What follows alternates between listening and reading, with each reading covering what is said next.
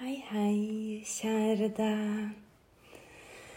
Velkommen til en ny episode av podkasten Yoga fra hjertet med Marianne Helgesen. Har du gjort yogapraksis i dag? Ha-ha. Nei, jeg skal ikke begynne sånn. Eh, denne, yoga, nei, denne yogaen, hører du, denne podkasten er ikke bare om yoga. Eh, den har yoganavnet i tittelen, siden jeg er veldig opptatt av det. Og yoga er en ting som virkelig har gjort, tror jeg, da, at jeg har så god helse som mulig i min kropp. Og det som jeg elsker med yoga, er at yoga tar for seg hvert, hver eneste ting, da. Hvert eneste felt i livet.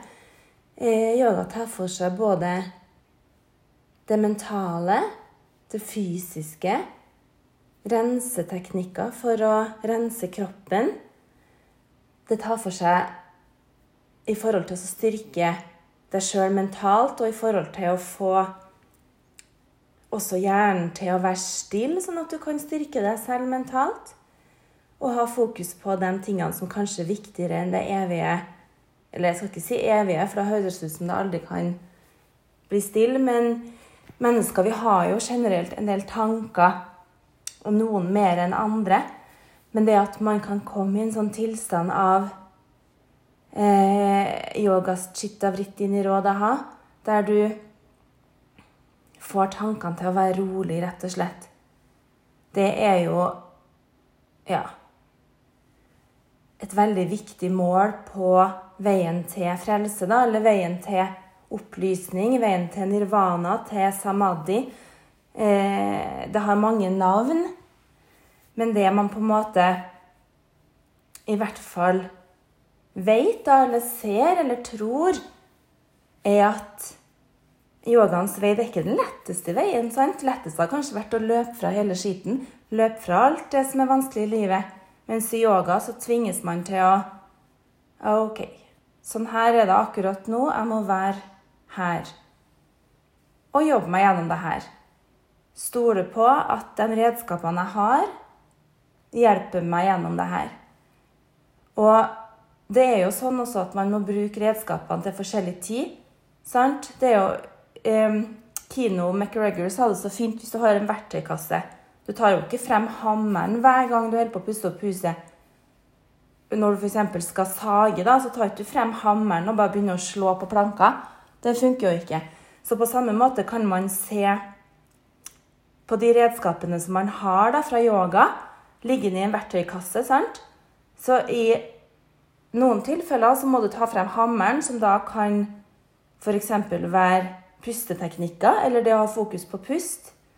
En annen gang må man ta frem saga, som er å reise seg opp fra sofaen og bare begynne å bevege kroppen.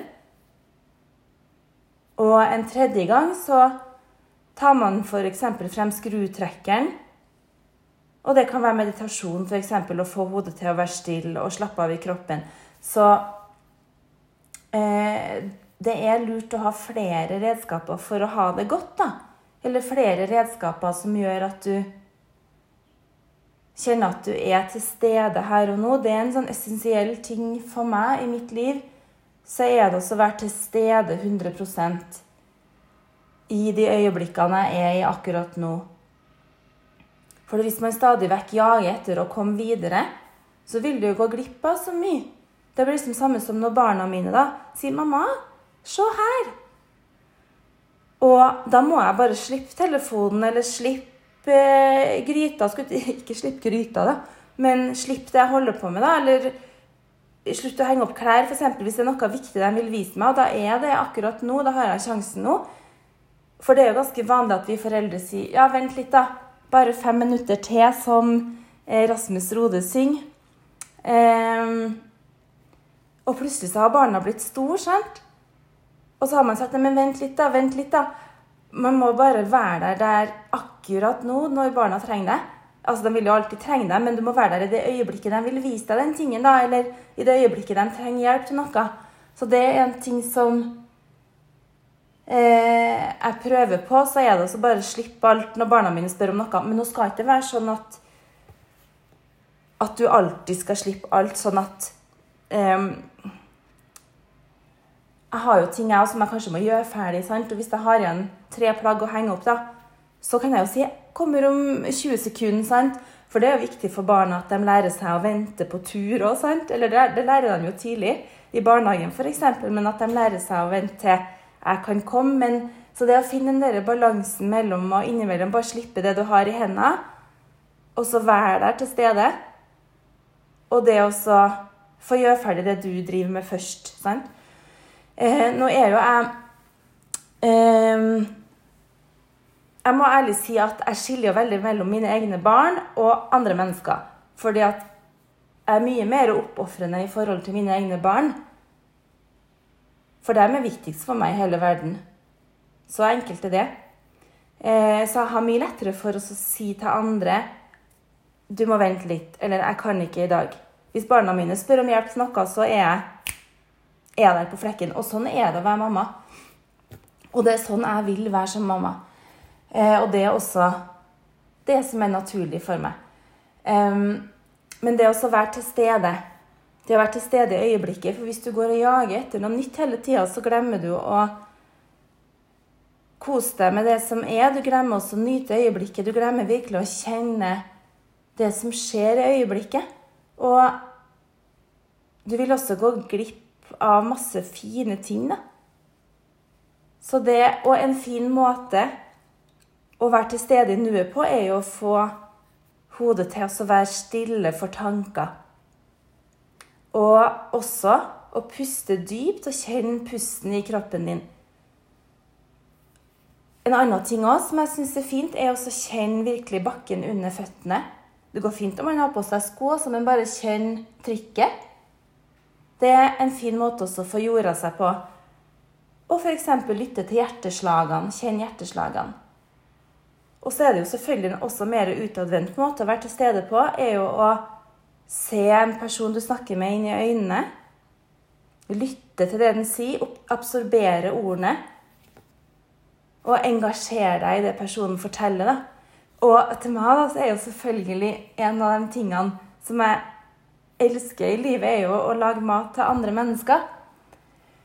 Det er også en måte for meg å være til stede på å servere god mat. Um, ja. Sett deg gjerne ned og ta noen dype pust. Jeg sitter med kaffekoppen i stua. Jeg sitter på en av våre høye barkrakker attmed eh, øya, skulle jeg si. Attmed kjøkkenet Nei, ikke stua, da. Jo, jeg sitter litt i spisestua, litt på kjøkkenet. For vi har en sånn stor kjøkkenøy som på en måte skiller mellom kjøkkenet vårt og spisestua. Eh, kjøkkenet, det er mitt ja, kanskje mitt yndlingsrom, vil jeg si, i huset. Jeg tilbringer jo mest våken tid her på kjøkkenet. Og det er god plass, det er masse benkplass, så at jeg kan lage smoothies til familien. Eh, wok indisk gryte, middager, overnight oats Ja, alt. Baking. Alt som man kan tenke seg, det trylles frem her. Det er noe som virkelig gjør meg glad, og som kjenner at jeg er her og nå, og så baker eller lager mat. Jeg bare elsker det. Kjøkkenet vårt er også egentlig nesten alltid veldig ryddig, fordi jeg hater rot.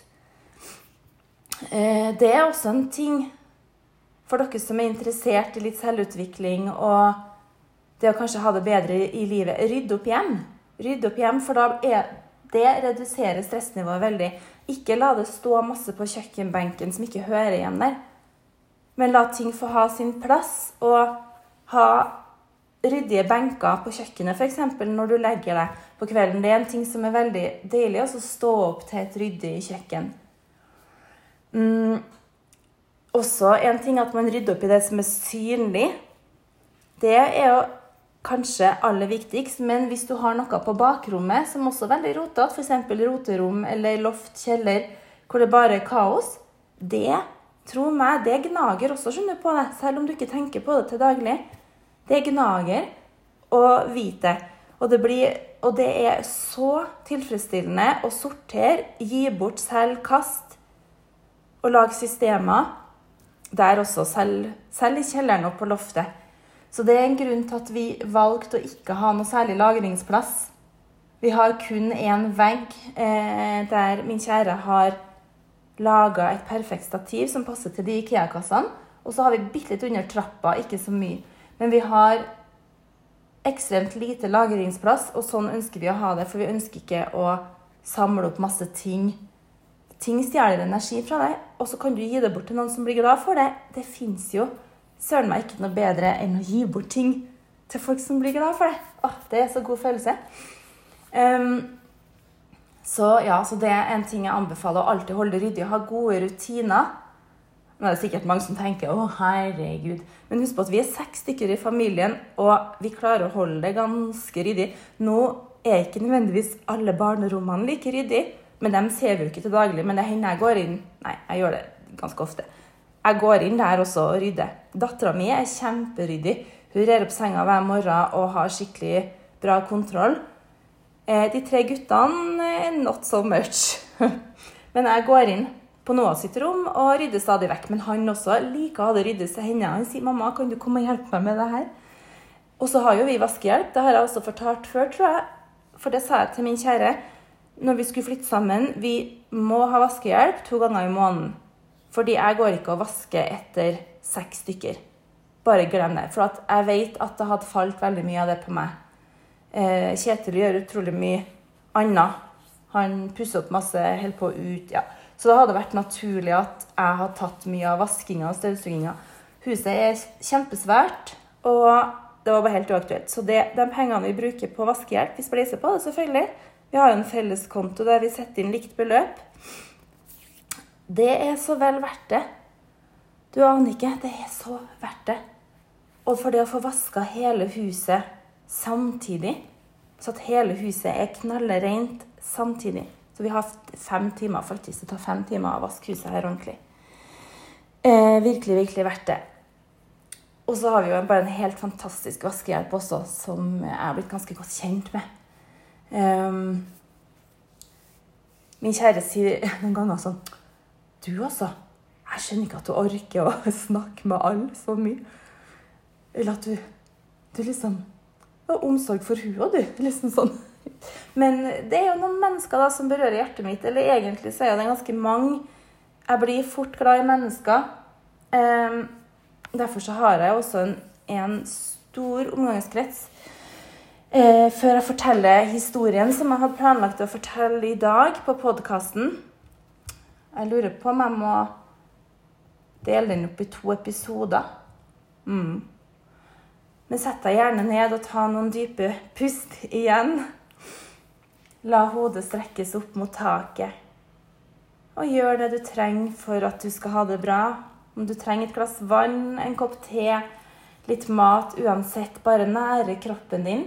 Og prøv nå også å tenke på én ting. Hvilke gode ting kan jeg gjøre for kroppen min i dag? Ok, Og så bare lov deg sjøl at du skal gjøre det. Det kan være en liten ting. Det kan være å ta vitaminene dine. Det kan være å ta fem minutters strekk på yogamatta. En spasertur, en løpetur. Um, lage en god kvelds- eller morgensmoothie. Eller noe helt annet. Jeg har jo mine greier. Flere ting som jeg gjør for helsa mi. Jeg har alltid vært opptatt av den. Men sitt nå og ta noen dype pust. Det er felles for oss alle. Pust er bra. Pust er helbredende. Pust er meditativt.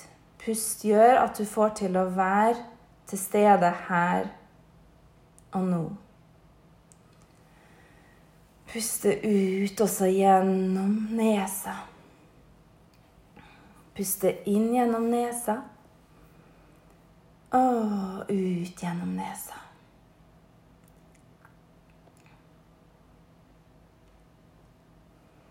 Og du kan gjerne bare velge å bli sittende og lytte til historien min om vennskap, krangling, misforståelser. Ja. Um, jeg har alltid hatt flere bestevenner. For jeg klarer ikke å velge én som skal være aller best, og som skal være bedre enn alle andre.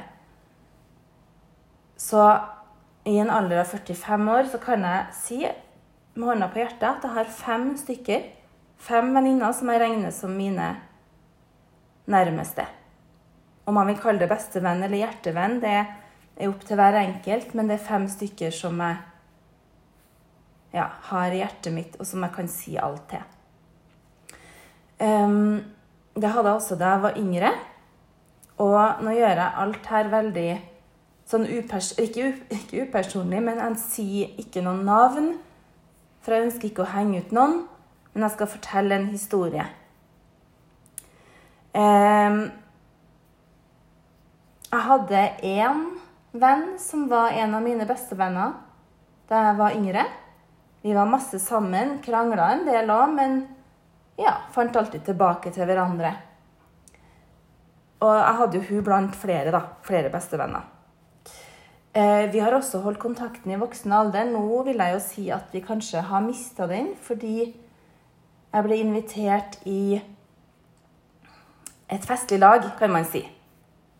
For å gjøre det litt mer anonymt. Som jeg valgte å ikke delta på.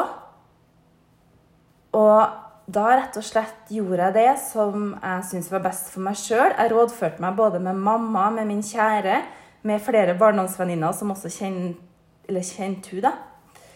Og de bare Nei, herregud, bare, bare la være å dra.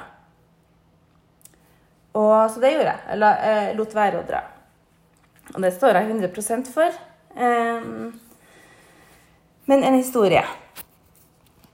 Da jeg gikk på folkehøyskole, så fikk jeg ei ny venninne. Som var min beste venninne der. Og i en ferie, eller hva det var, så ble hun med meg hjem til Trondheim. Og bodde, sammen, eller bodd hos meg, da. Og så skulle jeg arrangere en fest. Eller et slags vorspiel, tror jeg det var. Og da ba jeg inn en del av mine gamle barndomsvenninner. Um, og det var så koselig. Jeg tok jo også godt vare på den ene venninna fra folkehøgskolen som ikke kjente de andre. Og vi ble nå sikkert litt eh, berusa og var ganske sånn gira, for vi hadde det veldig artig på den folkehøyskolen. Men jeg prøvde å inkludere alle sånn en og en. Og jeg tenker, jeg tenker alltid på alle og får så dårlig samvittighet veldig fort hvis jeg ikke passer på at alle har det bra. Jeg har alltid varta opp veldig bra når det har vært besøk hos oss, eller vorspiel eller bursdag eller hva som helst. Diska opp som bare det. Eh, kvelden var kjempekoselig, så fin, og ja, vi dro tilbake til folkehøgskolen. Plutselig, noen uker seinere, så kommer det et langt brev til meg. Jeg hadde ganske mange brevvenner som yngre også, også i sånn 20-årene. Masse, masse brevvenner. Og det brevet kom til folkehøgskolen. Jeg åpna det. Og det var et langt brev fra hun venninna som jeg ikke hadde kontakt med der hun skriver at hun har snakka med alle mine venninner, og de er enige om at jeg er veldig barnslig, og de har vokst fra meg. Ja. Og det var et eller annet sånn svada-greier om at jeg bare var opptatt av hun venninna som um, var med meg hjem fra folkehøgskolen. Så de syns ikke at det hadde vært noe spesielt trivelig kveld. og litt sånn, Jeg husker ikke alt som sto der, men det var masse vonde ting og masse løgner. For det fant jeg ut senere. Men i hvert fall Jeg ble så knust. Fordi jeg trodde jo først da, på det hun skrev, at hun har snakka med hver og en av mine gode venninner som jeg har kjent siden jeg gikk på barneskolen. Så jeg var jo dum nok da, til å tro at det var sant, det hun skrev, og at alle mine venner nå ikke likte meg lenger og ikke ville være venn lenger. Så jeg ble jo helt knust, og jeg storgråt. Selvfølgelig. Det der var helt jævlig. Og jeg kan ikke tenke meg noe verre ting når det gjelder vennskap, at ei venninne skriver til deg at hun har med seg alle andre venninnene, og de ikke liker deg og ikke vil være sammen lenger. Altså jeg burde jo ha skjønt at det var løgn. For jeg har jo et nært forhold til flere av de venninnene, og hun har ikke det. Det, var mine venninner jeg samla, mine nære venninner. Så jeg ble så knust. Og jeg husker vennene mine på folkehøyskolen. Vi var jo en gjeng, jeg og min venninne derfra. Og to jenter til og kanskje fem gutter. Vi ble egentlig bare kalt Gjengen på folkehøyskolen. Og jeg, har jo aldri skjult mine tårer, så jeg storgråt og gråt og gråt sikkert hele den dagen. Eh, og de vennene mine der fikk jo lese brevet, og de bare Fy faen, så jævlig dårlig gjort. Av hun venninna som skrev det. Og de bare Fy søren, Marianne, du er jo verdens beste, verdens snilleste, og vi elsker deg. Det var liksom, jeg fikk fullstendig backup fra dem og veldig masse trøst. Jeg gråt og gråt og gråt. og gråt. Jeg husker guttene var kjempetrøstende. Og så var nå jeg såpass lei meg da, at jeg ringte til en av mine beste venninner. Hun er fortsatt min beste, en av mine beste i dag. Og jeg blir nesten litt sånn rørt når jeg tenker på det, så jeg ringte hjem til hun. Da hadde vi ikke mobiltelefon. Um, og Ja. Så da, og hun var ikke hjemme, så jeg ringte, og da var det mammaen hennes, som jeg også er veldig glad i og kjenner så godt. Jeg har jo ligget over der så mye, og hun har ligget over så mye til meg, og vi har vært så mye sammen. Og mammaen hennes tok telefonen, og jeg storskrek da selvfølgelig i telefonen til hun, og fortalte om det brevet. Og mammaen hennes til min veldig, veldig veldig gode, herlige, nydelige venninne tok seg så god tid til å trøste meg og sa at men vet du, Marianne, du jo, det der er jo ikke sant. Nå har jo sikkert hun som skrev det brevet, bare fiska etter småting og hausa det opp. Og eh, hun var sikkert sjalu også for at du var så opptatt av venninna fra folkehøgskolen. Så hun, hun trøsta meg. så Jeg snakka med hun tror jeg en halvtime, og jeg gråt og gråt og gråt. Og gråt. Eh, og så har venninna mi, som jeg fortsatt har som min beste, Um, og kommer til å ha resten av livet Hun hadde snakka med mora si da hun kom hjem. da.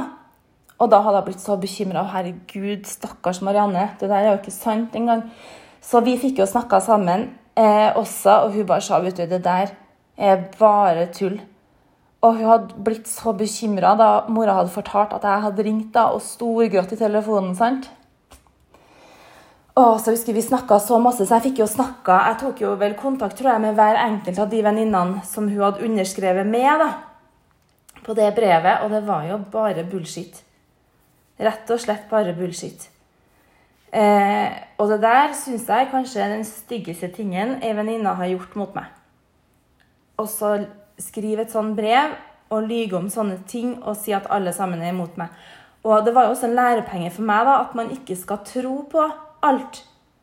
Men stol på det forholdet du har. Men det som er lurt, er å gå til å Ta kontakt med dem, eh, med dem du på en måte har ja, ta kontakt med folk da, og så spør direkte. Og det gjorde selvfølgelig jeg. har alltid vært veldig sånn rett på sak. Liker å face ting. Og hvis det er noe jeg lurer på, noe jeg er lei meg for, så ringer jeg eller eh, avtaler et møte med den personen og spør om sånn og sånn, og om det er sant. Og jeg begynte jo selvfølgelig å ransake meg sjøl. Har jeg gitt hun fra folkehøgskolen mest oppmerksomhet? Oppførte jeg meg dumt?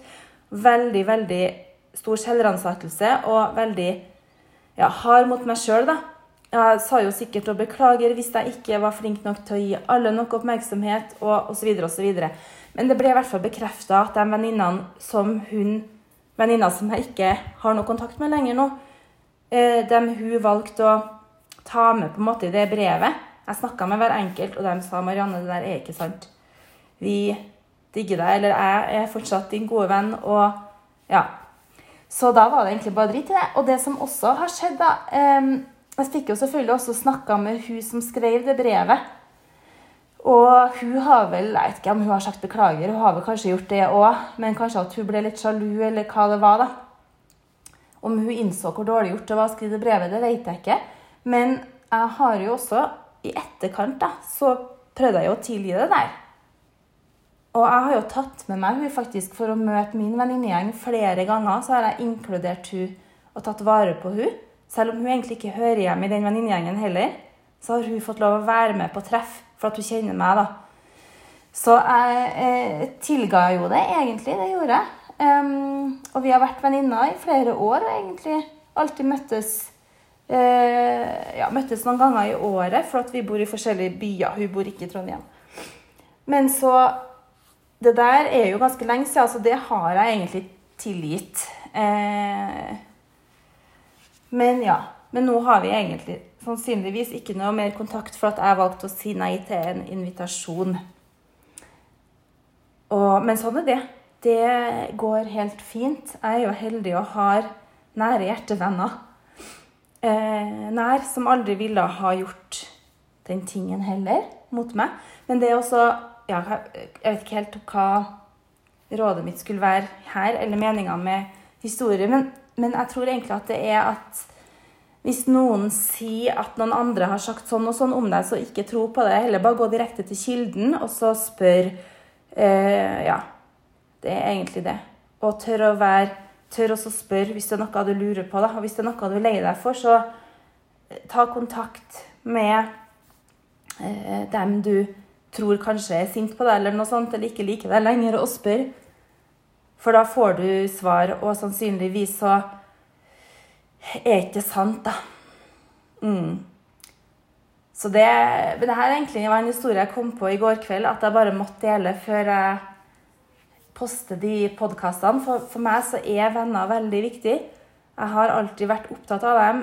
Og eh, dem som jeg har aller nærmest, dem deler jeg mye med, og jeg er så takknemlig for dem. Og ja, det er venner jeg vet jeg kommer til å ha for livet. Og så er jeg heldig også har noen har en del andre også som jeg har et nært forhold til. Jeg, jeg blir ofte ganske nær ganske fort med folk. Så det Ja.